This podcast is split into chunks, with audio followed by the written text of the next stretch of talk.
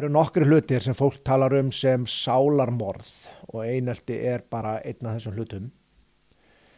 Einelti hefur verið mikið í sviðsljósnu líka upp á síðkastið og það er ekkit nýtt en það poppar einelti sumraða alltaf upp reglulega þegar eitthvað af allra ljótustu málunum kemst í frettirna vegna þess að foreldri eða foreldrar eru orðnir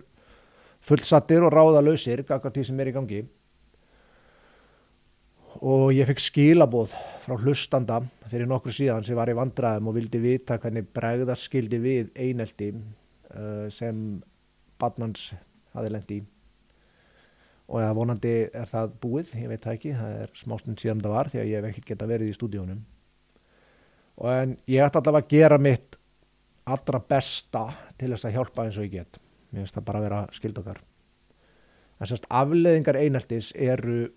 hræðilegar bann sem að lendir í einelti það, það vil ekki fara í skólan, það upplifir kvíða það upplifir stress sem að ekkert bann á að þurfa að lendi það missir af öllu félagslifi sem að við óskuðu þess að börnin okkur upplifi og í allra vestu tilfellunum missaðu ég bara, ég bara viljan til að lifa. Og það er eiginlega bara þingra en táru taki ef að svo mætti orða að vita til þess að börn allt niður í tíu ára gömul það var reynd að taka eigi líf í örvendingafullu kalli á hjálp. Þetta er líklega vestamartröð hvers foreldris að hugsa til þess að barnið sitt sé lendi einaldi því að sko fullornir einstaklingar hafa oftar en ekki brotna gjössala niður við að lenda bara í slíku.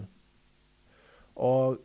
í dag er sem betur fyrir komin meiri vitundavakning í samfélaginu gagvart þessum viðbjóði sem einaldi er. Og það er gott að vita til þess allavega aftur á móti hefur þessi vitundavakning gert nákvæmlega ekki raskat til að koma í vek fyrir það eða veita þeim skjól sem að lenda í því